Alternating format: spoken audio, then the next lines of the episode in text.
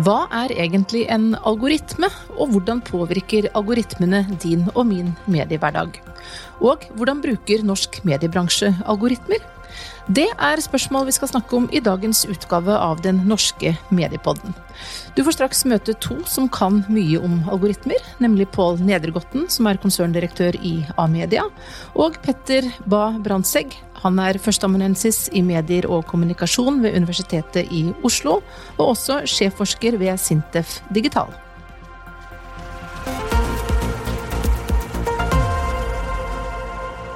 Petter Ba Brandtzæg, enkelt forklart, hva er egentlig en algoritme? Algoritmer eh, det er jo noe vi omgir oss med hele tiden. Og det er på en måte oppskrifter for hvordan eh, de teknologiske løsningene rundt oss eh, virker. Altså Jeg sammenligner det ofte med en matoppskrift. En matoppskrift består av forskjellige ingredienser som du vekter forskjellig. Og slik er ofte algoritmene også bygget opp rundt. Og da er det gjerne bygget rundt uh, hvordan vi oppfører oss på nett. Hvor mange venner vi har, hvor mye vi klikker på ditt, hvor mye vi klikker på datt. Og hvor ofte vi er innom en nettside, f.eks. Så algoritmene påvirker det som du og jeg og alle andre uh, får når vi er på nett? Ja. Det, altså, algoritmene er veldig viktig eh, for hva vi blir eksponert for av innhold. Altså det være seg på Netflix, altså hvilke uh, filmer du blir anbefalt. Hvem du ser av innlegg på Facebook, er også påvirket av algoritmer. Og hva du får opp i Twitter-feeden din, eller eh, hva slags søkeresultater du får på Google. Sånn at eh, hele virkelighetsrommet vi beveger oss i, i eh, på digitale flater, påvirkes av algoritmer på et eller annet vis. Pål Nedregotten, du er konserndirektør i Amedia. Og hvordan bruker et mediekonsern som Amedia algoritmer i sine produkter? Med betydelig forsiktighet. Nei, altså I sin enkleste forstand så har vi jo, altså, som, sånn som Petter eh, definerer algoritme, så har vi jo egentlig alltid brukt algoritme. Altså Det er regler som har styrt måten vi har forma journalistikken på, eh, enten bevisst eller, eh, eller, ubevisst.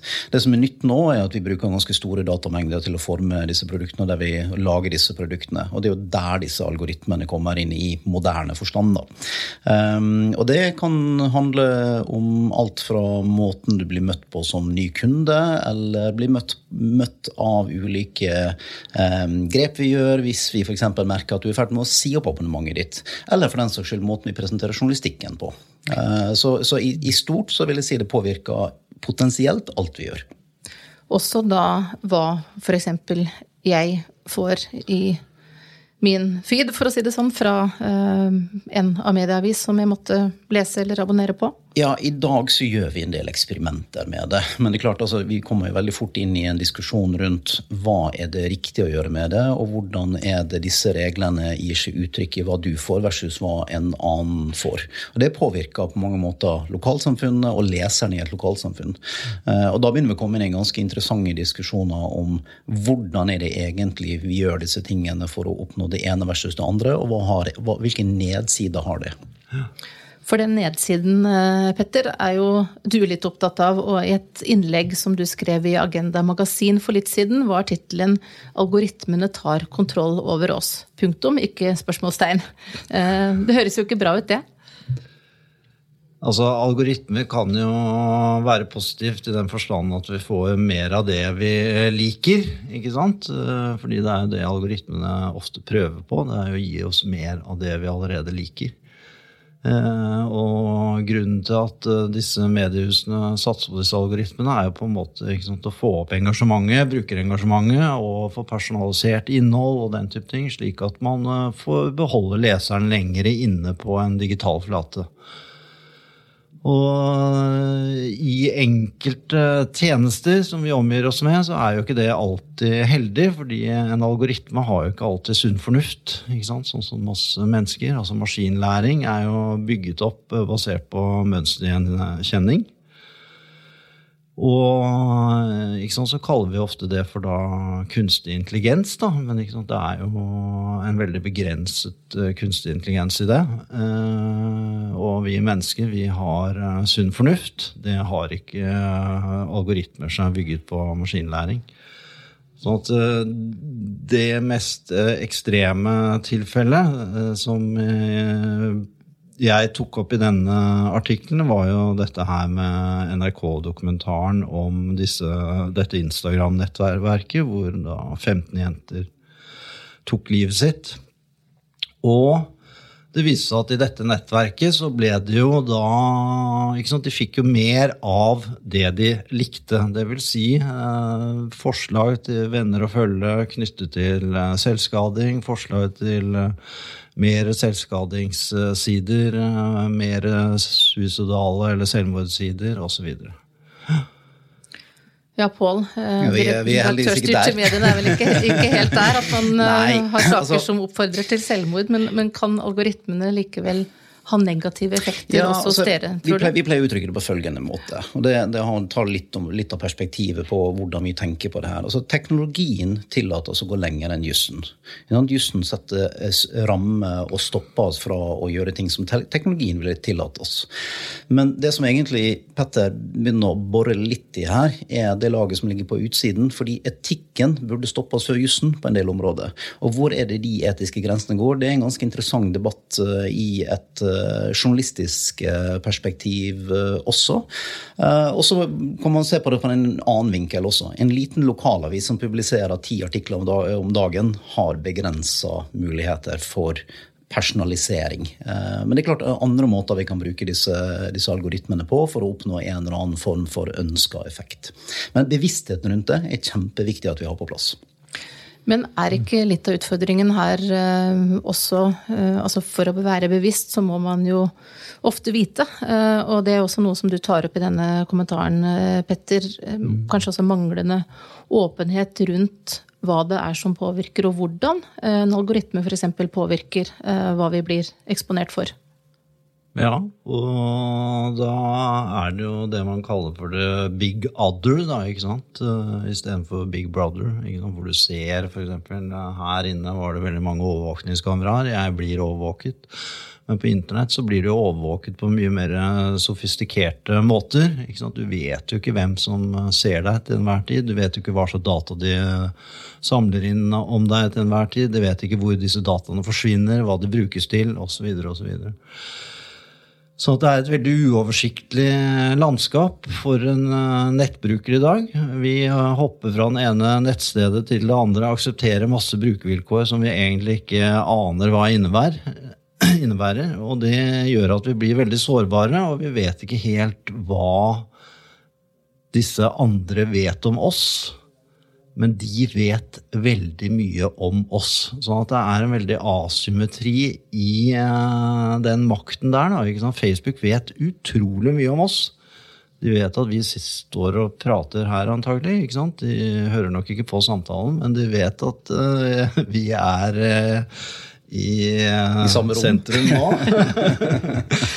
og, og det, det, skal ikke så mye data til før du har kartlagt preferansene til en person. Bare ved å kartlegge hvor jeg beveger meg hen i eh, verden i løpet av en uke, så vet Facebook og Google veldig mye om meg og mine preferanser.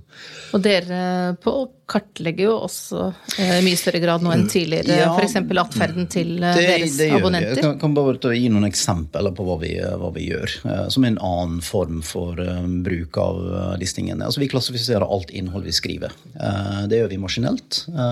Så f.eks. når det finnes undersøkelser som kommer ut som forskere, som Petter eller andre har, så har de som regel satt og talt artikler. Vi gjør det maskinelt. Vi kunne henta ut f.eks.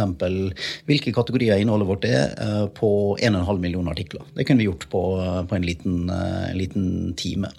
Så kan vi f.eks., og det her gjør vi, vi kan, vi kan, se på hvilke navn er det som er nevnt i artikkelen, hvilke organisasjoner som er nevnt i artikkelen, hvilke bedrifter som er nevnt i artikkelen. Og så hva kan vi gjøre med det, da? Jo, en av de tingene vi kan gjøre, um, er å se på kjønnsbalanse i de redaksjonelle artiklene våre.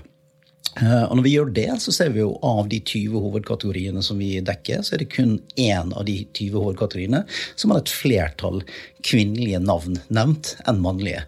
Eh, hvor den verste kategorien, som er ulykker og hendelser, har 23% eh, kvinnelige navn, f.eks. Og sånn kan vi bruke algoritmer til å få mer informasjon om journalistikken vi produserer. og deretter formulere strategier til ok, men hva har vi tenkt å gjøre med det her. Da Og da begynner vi å snakke om hvordan disse algoritmene kan brukes til noe som gjør at ting kan bli bedre. Men altså, algoritmene i seg selv er verken onde eller slemme eller gode i natur. Det er hva du bruker av treningsdata, og ikke minst hva gjør du med dem og bevisstheten rundt dem. Jeg tenker Det er kanskje den, den spesielt gode diskusjonen her. Ja. Og, og, mitt poeng er jo ikke at uh, algoritmer er gode eller onde? Uh, men uh, det er mange uintenderte konsekvenser knyttet til algoritmer som vi ikke kjenner til per i dag. Altså, jeg er sikker på at Instagram ikke ville at disse små jentene skulle bli eksponert for de og de nettverkene og de og de nettsidene, men det ble de. Så det er noen det er utilsiktede effekter her, tenker du? Veldig mange uintenderte konsekvenser som man ikke har tenkt igjennom og ikke har sett komme i forbindelse med bruk av denne teknologi. Og, eh, Vi hadde jo besøk i Oslo av Tufekshi, altså en, eh, en veldig kjent forsker på algoritmer. Og hun påpekte jo dette her med sant, at eh, YouTube da radikaliserer antagelig brukere, fordi man får mer og mer ekstremt innhold eh, jo mer man dukker ned i f.eks. mer høyere radikale interesser. Nå nevnte jo Pål her eh, også noen eh, positive effekter ja, og, av algoritmer. F.eks. dette med en, en, økt kunnskap om, mm, om kjønnsbalanse, f.eks. Mm. Og det er jo fantastiske muligheter som ligger der hvis vi velger å bruke det.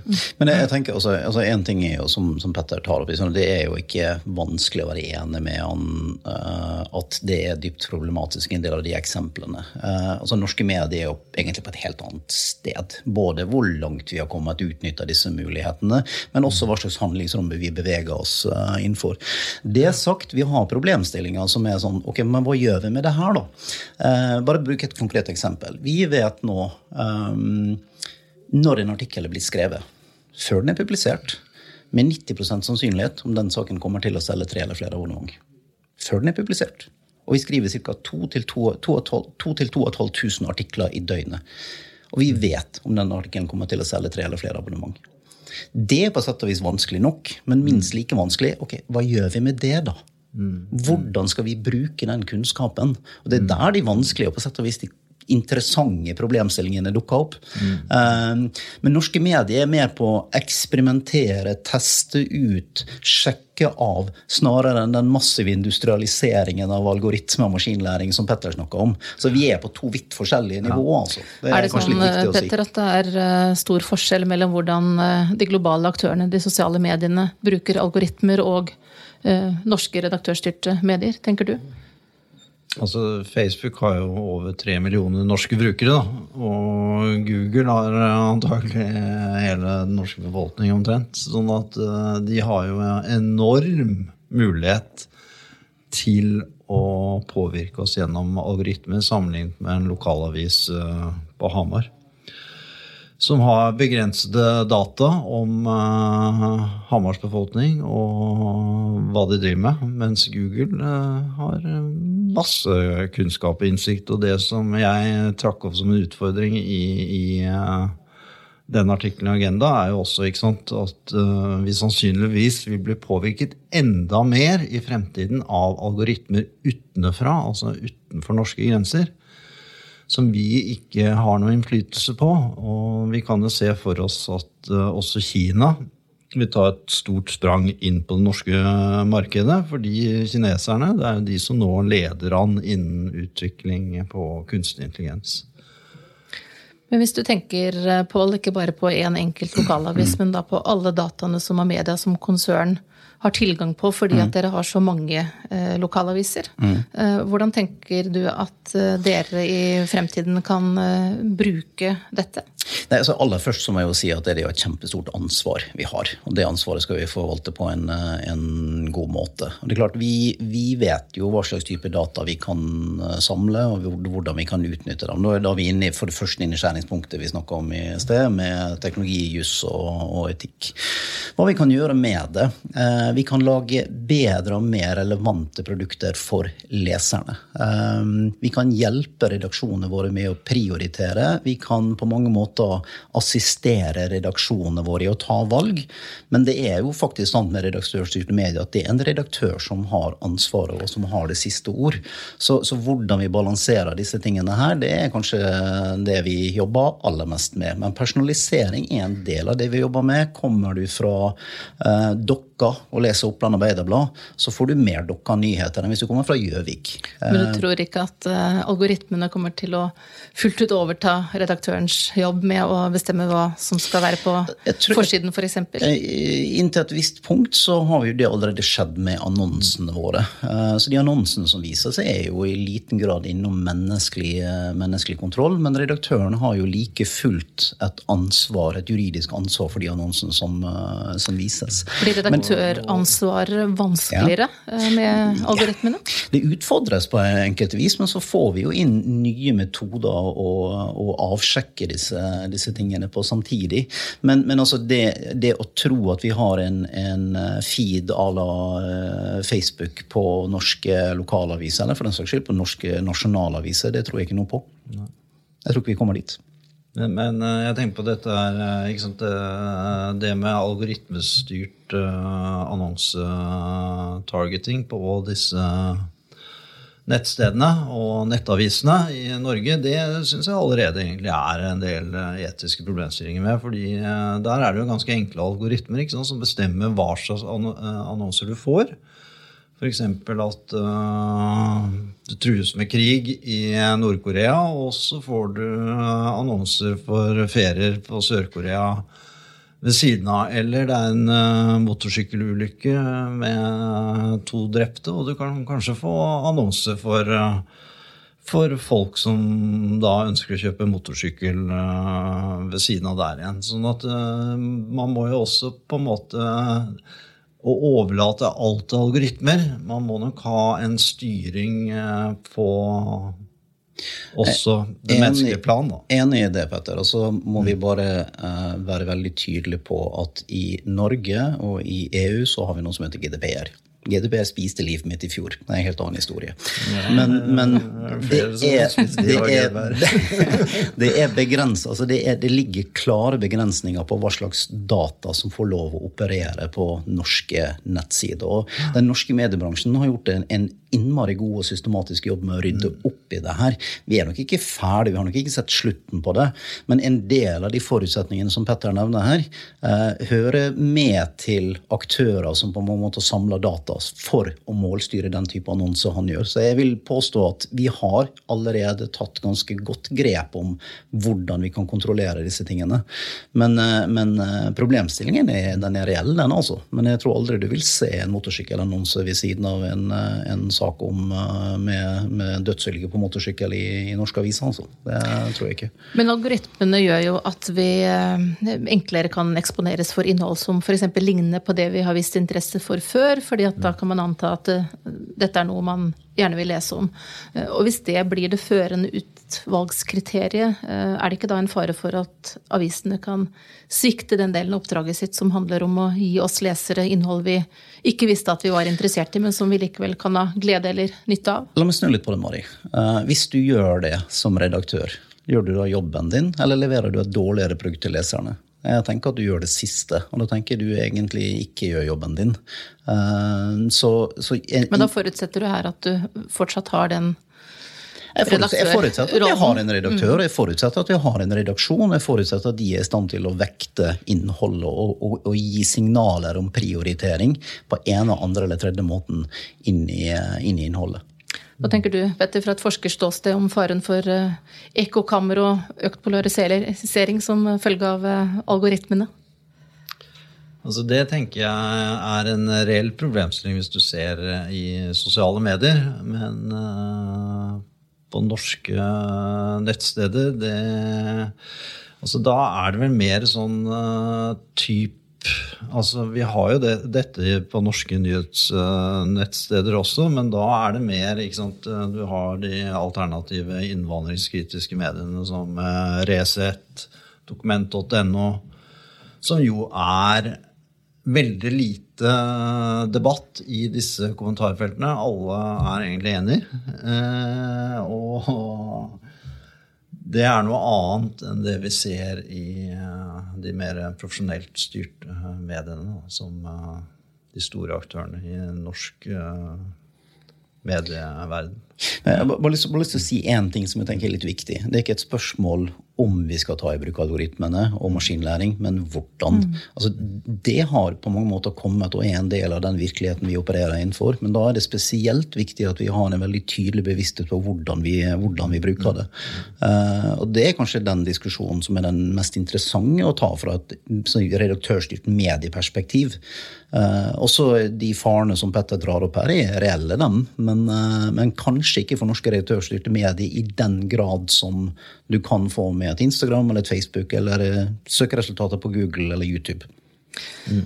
Men hvis vi, hvis vi, tar brukerperspektivet her, eh, mm. altså de som eh, leser, enten det nå er sosiale medier eller en redaktørstyrt avis, hva bør de være oppmerksomme på sånn i forhold til hva de blir eksponert for, og hvordan algoritmer blir brukt? Du tenker på norske nettaviser? Mm. Ja, for så vidt både altså, som norsk eh, medieforbruker, da, enten det er sosiale medier eller, eller, andre. Hva er det viktig å være eh, oppmerksom på eh, i forhold til dette? Nei, det er klart at Hvis f.eks. disse store nettavisene som eies av Schibsted, får veldig gode muligheter for personalisering, så vil man jo kanskje risikere da at de eh, som eh, er interessert i varesport, får varesport, og kanskje mindre av annet andre nyheter. Og da mister man jo kanskje litt av det samfunnsoppdraget man får, da, eller har, som medieaktør i Norge, nemlig å gi og opplyse allmennheten om uh, nyheter og politikk. Uh, men uh, som du var inne på, så tror jeg ikke Her redaktøren det... kommer inn. Ja, ja, ja, da, da, mistenker jeg at Gard har abdisert. ja, og, og, ikke sant, sånn som jeg har forstått VG og hvordan de bruker algoritmer i dag, så prøver de å, å lure folk inn de andre veiene for å eksponere det også for annen type innhold. Nå har vi ikke eh, VG her, uh, men uh, Pål, jeg regner med at det kanskje ikke er så stor ulikhet mellom hvordan de ulike medievirksomhetene Nei, det, tilnærmer seg til dette? Jeg tror nok vi gjør altså, først, altså, Norge er et lite land. Vi kjenner, vi kjenner, hverandre og vi prater sammen. Og så er det klart en del ting vi holder litt tettere til brystet enn andre ting. Men du finner ikke en veldig stor forskjell på en måten som f.eks. Aftenposten eller VG angriper den problemstillingen, til til hvordan vi angriper problemstillingen. Jeg tror det som skiller de norske mediene, er eh, ressursen og tilgangen til å gjøre disse tingene. Det er mer det som skiller det, enn eh, en ønsket om å navigere på vidt forskjellige måter. Er dere åpne nok sånn fra mediebransjens side overfor eh, publikum eller abonnentene deres i forhold til hvordan dere jobber med disse tingene, og hvordan det påvirker det innholdet som de blir eksponert for? Det er et godt spørsmål. Eh, jeg tipper for enkelte så ville, antagelig, eh, ville, de antagelig ønske at vi opplyste dem mye mye mer. Eh, de fleste tror jeg faktisk ikke ville gjort altså det. Som, det som er viktig for oss når vi tester disse tingene, er tydelig merking. Og Da merker vi at denne er utvalgt for det, men da merker vi f.eks. med at disse sakene her kommer fra dere. Så, så, så, vi jobber på mange måter med å tydeliggjøre konteksten, den redaksjonelle konteksten vi, vi fletter ting inn i, mer enn noe annet annet. Men, men at norske, eh, norske, lesere vil ønske å lese side og side ned om hvordan vi bygger disse algoritmene, det, det har jeg mindre troa på.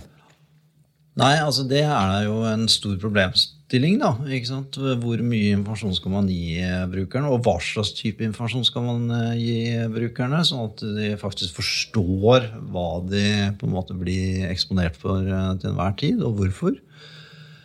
Eh, og jeg tror nok eh, du har rett i det at eh, folk vil ikke lese opp og ned om dette her. altså Brukervilkår blir ikke lest. Det vet man fra eh, masse studier at det, det greier ikke brukerne å verken konsumere eller skjønne. Men samtidig så er det vel viktig at brukerne har en, en, viss kunnskap uh, om dette? Ja da, sånn at det kan være sant, rene visualiserte pop-ups f.eks. om man, hvor dataen blir sendt, uh, hva man har brukt akkurat nå. Altså, vi, vi, har jo et informasjonsansvar på data mm. som er underlagt eh, GDPR-kravene til oss. Det handler om å gjøre dette på en måte som gjør at folk ja. forstår det og leser, ikke minst. Ja, og, og, det, er jo, det, er jo, vanskelig også, ikke sant. Fordi altså, vi, vi, har faktisk altså, det, det, er sikkert lett for enkelte å tenke at det er vi i mediebransjen vi ønsker å tilsløre en del av disse tingene, men det gjør vi jo virkelig ikke. Vi har faktisk jobba ganske mye og bevisst med kommunikasjon som er presis, men så må den være juridisk presis også. og da, da på mange måter ender du opp med Du må ha disse lange tekstene fordi det er lovpålagt oss. Uh, men jeg har lyst til å si én ting som jeg, som jeg, tenker er litt sånn viktig at vi får frem her. Altså vi, blir, vi mediene vi blir ofte beskyldt for å bare jage klikk. Uh, jeg kan bare si helt eksplisitt Klikk fører ikke til inntekter. Det som fører til inntekt, er at vi klarer å levere journalistikk. I dag, i dagens uh, avisøkonomi, det som fører til inntekt, er at vi klarer å lage innhold som engasjerer bredt og folkelig og dypt i norske lokalsamfunn. Og de dataene vi får ut, og de algoritmene vi er i stand til å bygge, handler utelukkende om det. Så vi er, vi, altså, der, der, er nok en utbredt misforståelse om hva vi bruker disse dataene til. Det handler for oss handler om å levere god, relevant og solid journalistikk i norsk lokalsamfunn. Er det Petter, eh, de sosiale mediene som er den største faren her, sånn som du ser det? Er du beroliget nå når du hører Pål Nedergotten fortelle om eh, hvordan media f.eks. Eh, tenker rundt algoritmer?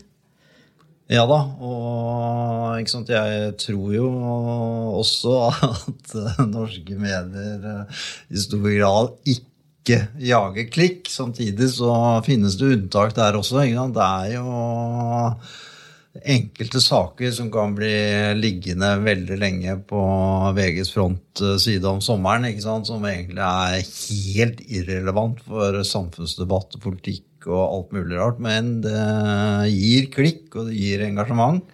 Jeg var i debatt med VG for en stund tilbake om akkurat det.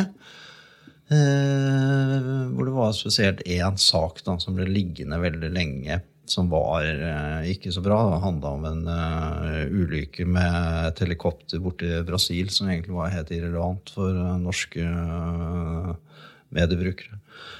Men når det er sagt, så tilhører jo det, det sjeldenhetene. Og jeg er jo helt enig med Nedregotten om at det, det, ikke er eh, på en måte slik de opererer eh, i det store og det hele. Og det er sosiale medier som er eh, den største utfordringen. Og Google når det gjelder bruk, skråstrek, misbruk av algoritmer. Sånn på tampen, hvis vi skal uh, tillate oss å se litt inn i krystallkula. Det er jo utrolig vanskelig, men uh, hva tenker dere framover når det gjelder utviklingen på dette feltet? Hva er det vi står overfor? For norske medier sin del så vil algoritme og maskinlæring være en del av verktøykassa vi kommer til å jobbe systematisk med. Uh, som jeg sa i sted, altså, de har kommet for å bli. Altså, det er egentlig mer spørsmål om hvordan vi gjør det, enn om vi gjør det. For det kommer vi til å gjøre. Uh, og da er det ganske viktig at vi har en veldig tydelig bevissthet på uh, hva, hva, er nedsidene ved å ta de valgene vi gjør. Altså, algoritmene er stokk dumme, dem. De, de, er bare så smart som det vi fôrer inn i dem. Og det, det er vår jobb å sikre at det vi fôrer dem med så smarte ting som overhodet mulig. Petter, hva tror du? Jo, altså vi får mer og mer regnekraft. Eh, vi får mer og mer data. Vi får mer og mer kompetanse i databehandling. Eh, nå vil de store mediekonsernene selvfølgelig ha mange flere ressurser når det gjelder dette her. Sånn at vi eh, vil jo se mer og mer bruk av avanserte algoritmer eh, fremover. Og da er det viktig, da, sånn som jeg påpeker i denne agendaartikkelen, at vi er bevisste hvilke valg vi gjør, og hva disse algoritmene faktisk kan føre til av uintenderte eh, konsekvenser.